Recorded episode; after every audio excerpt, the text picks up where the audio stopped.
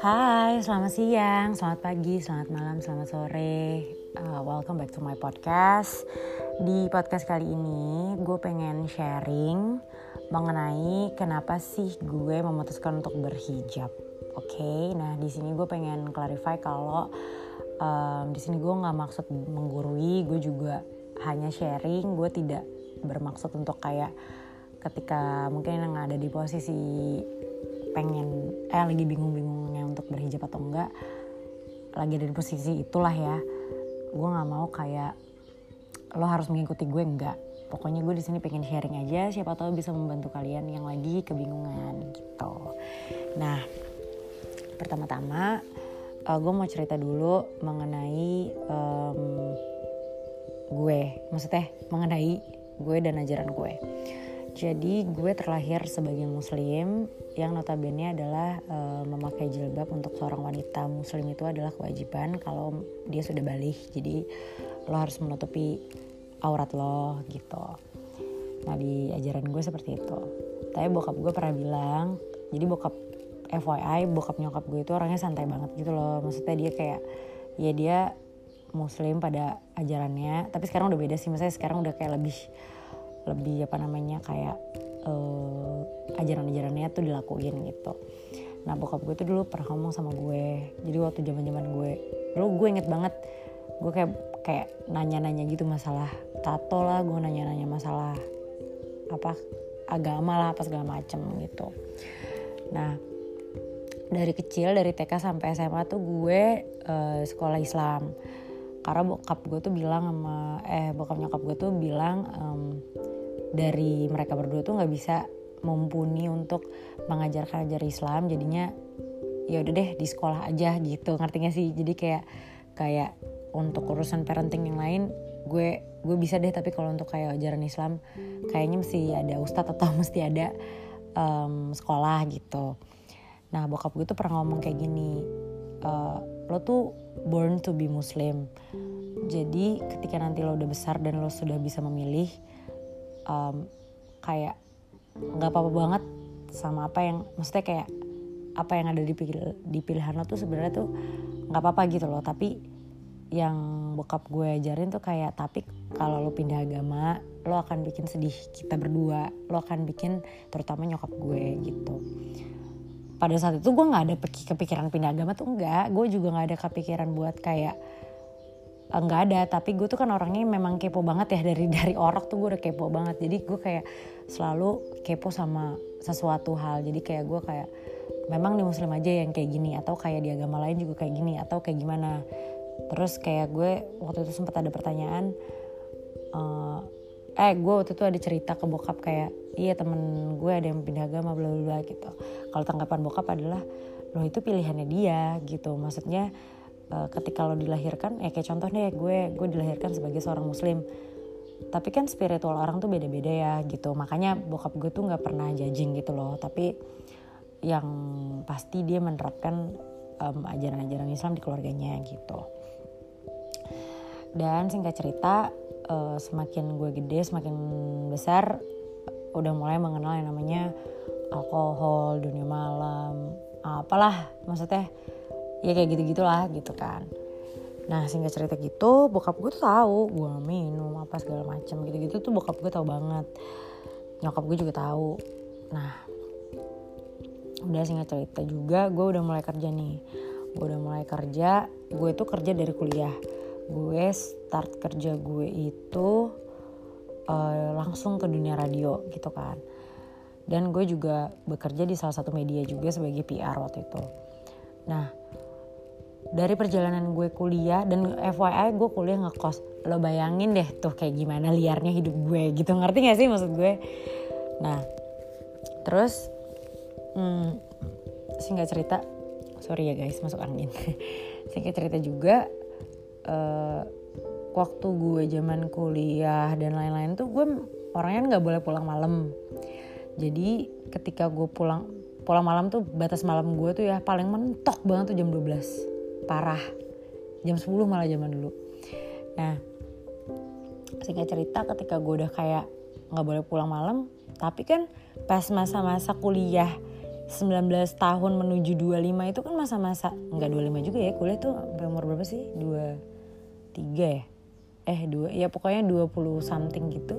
Dari 19 ke 20 something itu kan masa-masa lo pengen bergaul-bergaulnya sama teman-teman lo dong ya kan apalagi lo kayak nggak memikirkan kehidupan. Maksud gue lo nggak mikirin gimana ya abis duit gue ya lo tinggal minta orang tua gitu kan. Nah waktu itu tuh ditambah lagi gue kerja. Jadi gue jumawa banget hidupnya pada saat itu. Nah jadi gue memutuskan waktu itu gue ngekos.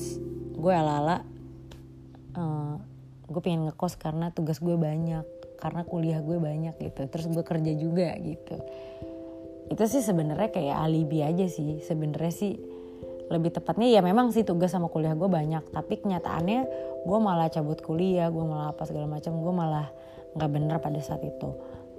Nah itu eh, tambah bebas dong. Maksudnya kayak gue bisa pergi clubbing gue bisa pergi malam apa segala macam. Karena itu back to tanda kutip kekang itu di dalam keluarga singkat cerita gue udah lulus gue kerja mulai bener-bener kerja beneran sebagai orang kantoran dan juga gue waktu itu double job. Gue announcer dan juga gue PR di salah satu media tersebut. Nah di dunia PR dan di dunia media itu kan parah kan lingkungannya? Lingkungannya parah apa segala macem. Ditambah lagi waktu itu gue ngekos juga gue sempet ngekos juga tapi waktu itu gue ngekos purely karena uh, hidup gue tuh penuh dengan event pulang larut malam uh, dan posisi gue kantornya itu di kebun sirih gue di Bintaro tinggalnya. Sebenarnya bisa naik kereta tapi kan gila ya capek banget kalau lo pulang event jam berapa lo paginya mesti ngantor. Jadi gue memutuskan untuk ngekos pada saat itu nah tapi waktu itu pada saat ngekos gue tuh bener-bener gak macam-macam sebenarnya. Karena emang waktu itu gue posisinya uh, eh, gue udah berhijab belum ya? Gue lupa. Pokoknya intinya kayak gitu. Nah waktu zaman gue kerja gue tuh punya kebiasaan di dalam satu minggu tuh adalah dua kali atau tiga kali gue itu pasti uh, ke bar untuk minum-minum gitu. Terutama hari Jumat gue inget banget. Dan waktu itu pada saat itu gue punya pacar. Gue inget banget nah tapi pada saat itu tuh jadi ibarat kata gue bukan yang maksud gue kayak di radio gue negatif enggak. Tapi waktu itu kalau mau happy happy gue ke uh, lingkungan radio gue. Tapi kalau gue nggak mau happy happy maksudnya kayak yang ya on the track aja gue ke lingkungan PR gue.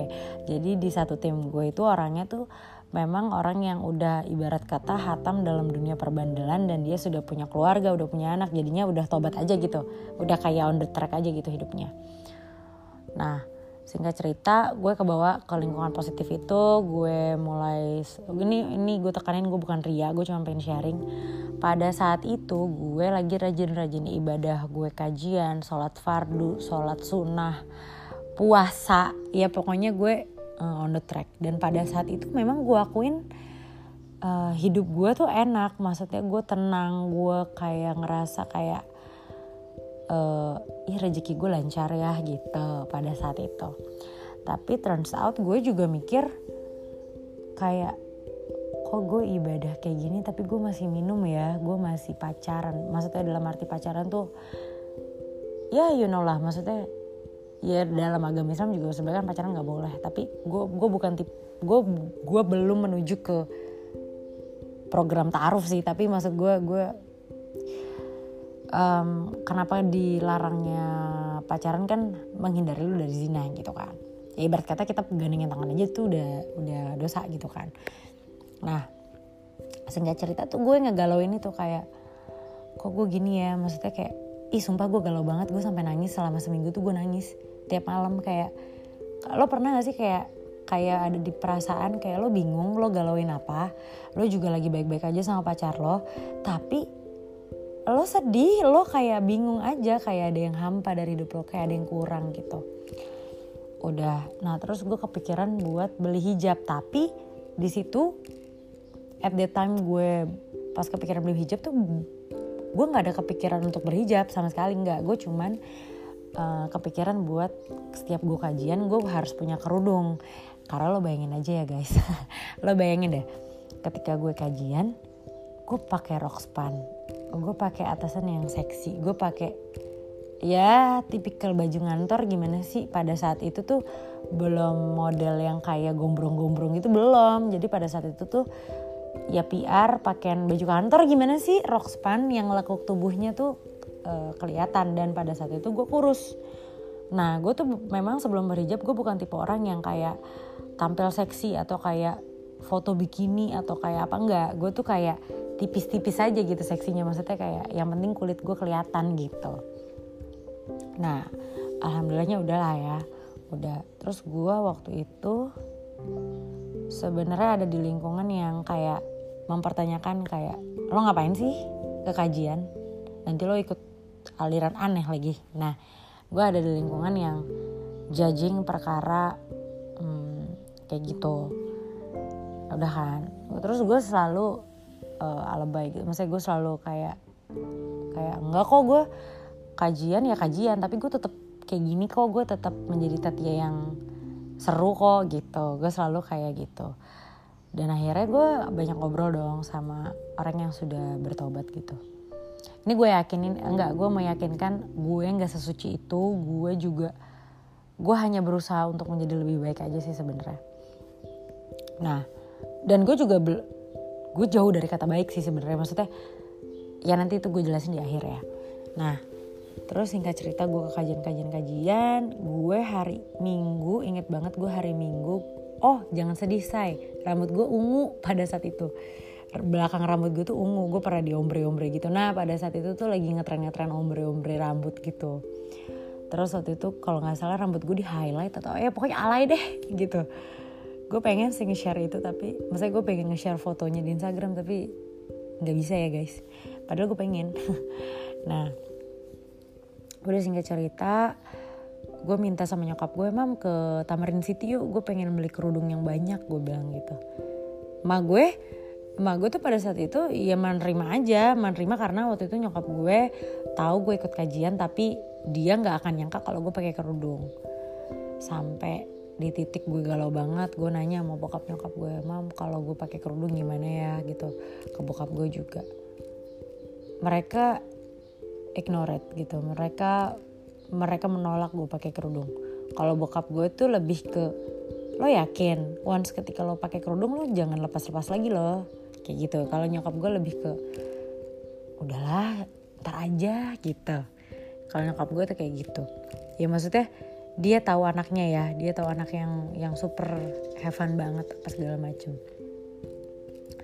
Singkat cerita lagi. Gue beli kerudung. Seninnya gue ngaca pakai kerudung. Gue ngaca pakai kerudung. Jadi gue gue testing gitu lah gue pakai kerudung. Gue ngaca lo tau gak sih perasaan yang so cantik banget banget? Yang kayak anjir lo ngerasa di di situ tuh ih kok gue cantik banget ya pakai kerudung? Nggak sumpah demi allah tuh gue ngerasa gue cantik pakai kerudung pada saat itu ya. Gak tau kenapa gue ngerasa kayak eh ya allah ih sumpah ya gitu. Gue ngerasa kayak gitu. Sampai singkat cerita gue aduh tunggu ya guys. Singkat cerita gue um, pakai kerudung terus ya udah gitu gue ke kantor aja gitu pakai kerudung. Bener-bener kayak turun waktu itu gue naik kereta ya. Gue turun gue pakai itu kerudung. Dan gue nggak mau ngelepas lagi aja ngerti gak sih? Ya udah gitu gue pakai kerudung. Nah itu yang gue bilang gue tuh orangnya nggak pernah saya gue jarang pakai baju seksi. Pada saat itu gue memang lagi pakai baju gombrong dan lengan panjang. Gue pakai kerudung ya udah jalan aja gitu. Jalan nyampe kantor semua orang kaget. Semua orang. Semua orang literally staring at me tuh yang kayak bener-bener kayak hah? gitu. Ngerti gak sih? Kayak hah literally hah gitu kayak hah? Terus ada ada beberapa teman-teman cewek yang pakai kerudung yang langsung meluk gue kayak kayak welcome apa kayak menyambut gue dengan kayak selamat ya kayak kayak ibarat kata lo diselamatin dengan hidup baru lo nih. Selamat ya Tatia gitu. Ya jujur ya udah gitu. Maksudnya kayak ya udah gitu. Dan ternyata setelah seharian gue pakai kerudung teman-teman gue yang di tim gue tuh excited banget kan. Sampai teman-teman gue kayak ayo Tatia lo beli ciput. Ciput itu daleman kerudung karena gue kan orangnya berantakan kan. Ya rambut gue tuh masih ke mana-mana gitu ya. Namanya orang baru belajar pakai kerudung ya. Eh Tatia lo pakai ciput nih lo pakai ini. Ini yang bahannya nggak panas. Padahal tuh notabene dia cowok. Jadi dia punya istri yang uh, berkerudung juga. Aduh gue gue gue sangat bersyukur banget deh. Gue gue berpikir alhamdulillah banget gue ada di lingkungan itu pada saat itu. Udah singkat cerita kayak gitu. Ternyata gue hilang kegalauan gue uh, kegalauan gue selama ini. Oh ternyata gue galau gara-gara mungkin pada saat gue galau itu mungkin gue dapet hidayah kali ya. Maksudnya gue juga nggak tahu sih sebenarnya hidayah hidayah itu seperti apa tuh gue nggak tahu. Tapi ada yang pernah ngomong hidayah itu dijemput. Ada yang pernah ngomong kayak gitu. Tapi kalau menurut gue ya nggak dijemput juga sih. Cuma maksud gue datang dengan sendirinya. Gue gue percaya adalah um, ketika lo percaya adanya Tuhan uh, titik capek lo pada dun bukan duniawi sih. Titik capek lo tuh akan ada kok di agama apa pun ya. Gue rasa orang akan back to God dengan sendirinya kalau menurut gue kalau menurut gue. Jadi kayak ya udah lo nggak usah nggak usah terlalu memikirkan orang lain. Dan satu jangan pernah lo judging orang sih. Itu yang salah pada diri gue. Jadi waktu itu waktu awal-awal gue uh, berjilbab gue tuh udah ngerasa diri gue paling bener aja. Pada saat itu tuh gue ngerasa kayak ya sesama muslim kan memang harus saling mengingatkan ya. Tapi pada saat itu gue kayak mungkin out of the line gue kayak ngasih tahu yang tentang agama banget gitulah ke teman gue atau ke orang-orang lingkungan gue. Turns out gue ngerasa itu salah. Gue ngerasa kayak jangan kayak gitu karena spiritual orang beda-beda. Um, FYI pada saat itu pacar gue juga nggak suka kalau gue kerudungan. Karena no reason aja dia emang gak suka aja sama cewek kerudung. Udah intinya. Gue putus juga pada saat itu juga. Kayaknya beberapa hari setelah gue jilbaban deh gue putus. Ya tapi nggak apa-apa. Ya gue gue nah ketika gue berjilbab itu gue ngerasa kayak oh memang bener ya gue cobaan tuh langsung baru mulai. Lo bayangin aja lo baru kerudungan lo lagi have fun sama pacar lo terus lo putus deh. Ya kan? Lo dijauhin deh tuh sama pasangan lo. Oh mungkin gue disuruh fokus sama diri gue sendiri. Oke okay lah. Cobaan kedua lo dicemooh orang lain. Lo dihujat orang lain. Uh, ya banyak lah banyak banyak banyak cobaan-cobaan yang kalau gue sebutin satu-satu tuh beda orang kan. Maksudnya beda beda orang beda beda cobaan juga gitu. Tapi gue percaya setiap ada cobaan tuh pasti ada titik terang. Gue percaya banget sama akan hal itu gitu. Sampai akhirnya gue melewatin setahun ini gue udah jalan dua tahun mau ke tiga tahun. Iya by the by by the time tuh ya udah lewat aja gitu. Dan dan lagi-lagi ketika lo kayak gitu balik lagi ke Tuhan. Nah terus gue ngerasa gue ngerasa banget ya. Jujur ini gue jujur ya. Jujur ya jujur ketika gue memutuskan hijab gue nggak bisa 100% meninggalkan kebiasaan zaman dulu. Gue jujur ngerokok. Gue minum. Gue suka live music bla bla bla gitu. Pada saat gue masih bener-benernya tuh gue berhenti tuh semua tuh. Kecuali ngerokok sih. Gue berhenti itu semua. Singkat cerita gue ngerasa ih kok gue kangen ya? Gue kangen minum nih gitu. Ada tuh ada di ada di titik yang kayak ih gue kangen minum nih gitu. Nah singkat cerita juga uh, teman gue tuh pernah ngomong kayak nggak bisa tat. Bayi aja bisa lari tuh dia belajar ngerangkak dulu jalan apa segala macam yang penting lo ada kontrol dalam diri lo gitu.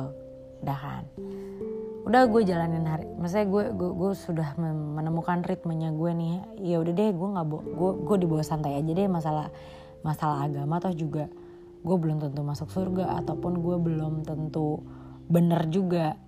Yang hanya bisa ngejudge adalah ya Tuhan gue sendiri gitu kan yaitu Allah. Nah singkat cerita juga gue apa tuh namanya gue lupa. Oh gue udah mulai kayak ritme gue tuh mau kerudung yang model kayak gimana nih? Yang model cekek gini atau syari atau apa atau apa. Akhirnya gue lebih nyaman yang kerudung cekek gini. Kadang-kadang gue juga masih pakai turban. Karena prinsip gue adalah uh, hijrah itu kan belajar ya. Hijrah itu kan kayak maju ke depan untuk jadi lebih baik gitu. Tapi jangan lo balik lagi ke masa lalu lo yang parah gitu. Nah tapi gue di sini ngerasa kayak oh Tuhan tuh nyuruh gue berjilbab atau ngasih gue hidayah tuh untuk kontrol myself ya. Ternyata ada batasan yang memang harus gue turutin. Maksudnya gini contoh nih misalnya gue udah out of the line gue udah udah otw balik lagi ke yang dulu. Misalnya gue minum-minum lagi apa segala macem atau kayak ngelakuin dosa gitu. Tapi ada satu momen yang kayak nggak bisa tat lo nggak bisa kayak gini terus balik deh lo ke Tuhan. Ngerti gak sih?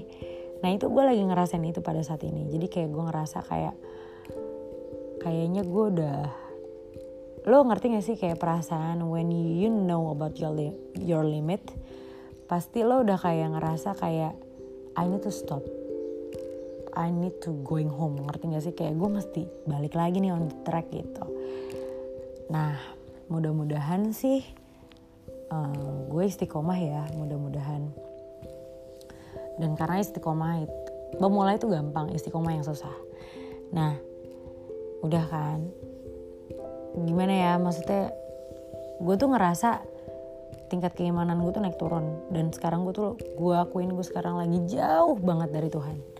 Gue lagi malah sholat gue lagi lagi ibarat kata sebenarnya bukan kecewa sama Tuhan ya gue nggak boleh kecewa sama Tuhan tuh. Cuman gue lagi ngerasa di titik yang kayak aduh nih Tuhan maunya apa sih? Gitu kayak gitu. Tapi padahal itu mungkin kata temen gue ya Tuhan tuh lagi kangen sama lo. Tuhan tuh pengen denger doa lo lagi Tuhan pengen denger cerita lo lagi apa segala macem. Gitu sih intinya. Intinya sih adalah semua manusia atau mungkin di antara lo yang lagi galau-galaunya punya pasti titik uh, untuk kayak balik ke Tuhan yang masing-masing dengan cara apa pun gitu. Jadi mungkin buat lo yang ngerasa kayak ih kok gue galau ya? Gue takut banget nih. Um, uh, apa kalau gue kerudungan gue kehilangan teman-teman gue apa segala macam trust me ketika lo didekatkan sama Tuhan lo akan digantikan dengan yang lebih baik. Mungkin lo akan kehilangan teman-teman lo yang kurang baik tapi lo akan digantikan dengan teman-teman yang jauh lebih baik gitu. Oh satu lagi. Kenapa dulu gue nggak mau kerudungan? Karena dulu gue pengen menikah dengan paes. Gue inget banget tuh. Karena gue orang Jawa Aceh kan. Gue pengen banget menikah dengan paes. Terus gue di sini gue berdoa ya Allah kalau memang ini benar jalannya gue berkerudung tolong luruhkanlah uh, perasaan gue pengen pakai paes. Seketika cuy ketika gue pakai kerudung ya udah gue pengen nikahnya dengan dengan cara kerudung aja. Bukan dengan cara paes ataupun dengan cara yang yang terbuka auratnya enggak gitu. Gitu sih guys. Dan satu lagi. Lo bisa kok berjilbab ataupun bagi laki-laki yang ya ya kalau laki-laki mah nggak signifikan ya paling apaan sih? Maksudnya nggak yang harus jilbab gitu kan. Lo bisa kok have fun dengan lo jilbab maksudnya uh, gue saat ini ada di stage yang gue tetap have fun gue tetap tetap bisa live music tapi mungkin tidak minum. Kayak gitu aja sih se sebenarnya. Dan kalaupun memang kayak anjir gue pengen banget nih minum gitu. Itu kan urusan dosa lo pribadi masing-masing dengan Tuhan ya ya dengan di atas gitu. Jadi kalau emang lo pengen banget minum ya lo minumnya aja di rumah atau di apartemen temen atau misalnya kayak atau kayak ini ini jangan ditiru ya. Cuman maksud gue ketika lo pengen banget ya ya orang kan gak bisa berubah 180 derajat. Pasti ada ada ada masanya lo kayak apa sih namanya titik lemah keimanan lo gitu kan pasti ada. Tapi ketika lo udah mau balik lagi kayak gitu lo pikirin aja kayak dulu gue galau kok. Ibarat kata ibarat kata pacaran nih. Ya kali lo mau masuk ke lubang yang sama gitu. Kayak gitu aja sih kayak lo inget-inget lagi aja betapa susahnya lo kayak gitu. Gitu sih saran gue. Nikmatin aja sih maksudnya kayak kayak ketika lo galau lo masuk lagi ke diri lo ini sebenarnya gue lagi butuh apa sih gue lagi apa segala macam dan banyak banyak ngobrol sama orang-orang yang yang membawa lo ke energi positif gitu. Karena gue percaya banget ketika lo memasukkan um, energi positif ke dalam diri lo yang keluar juga akan energi positif. Jadi kayak gitu aja sih. Dan ketika lo mulai terpuruk lagi inget-inget aja inget-inget aja lo maunya dibawa ke mana gitu depends on you guys. Gitu aja sih. Dan kita nantikan lagi episode episode berikutnya. Dan gue tekanin lagi di sini episode kali ini gue nggak mau ngajarin gue cuman sharing. Gue cuman memberikan apa yang ada di pikiran gue dan dan kelakuan gue. Jadi kalau mau nggak terima ya nggak apa-apa. Kalau terima juga alhamdulillah. Bye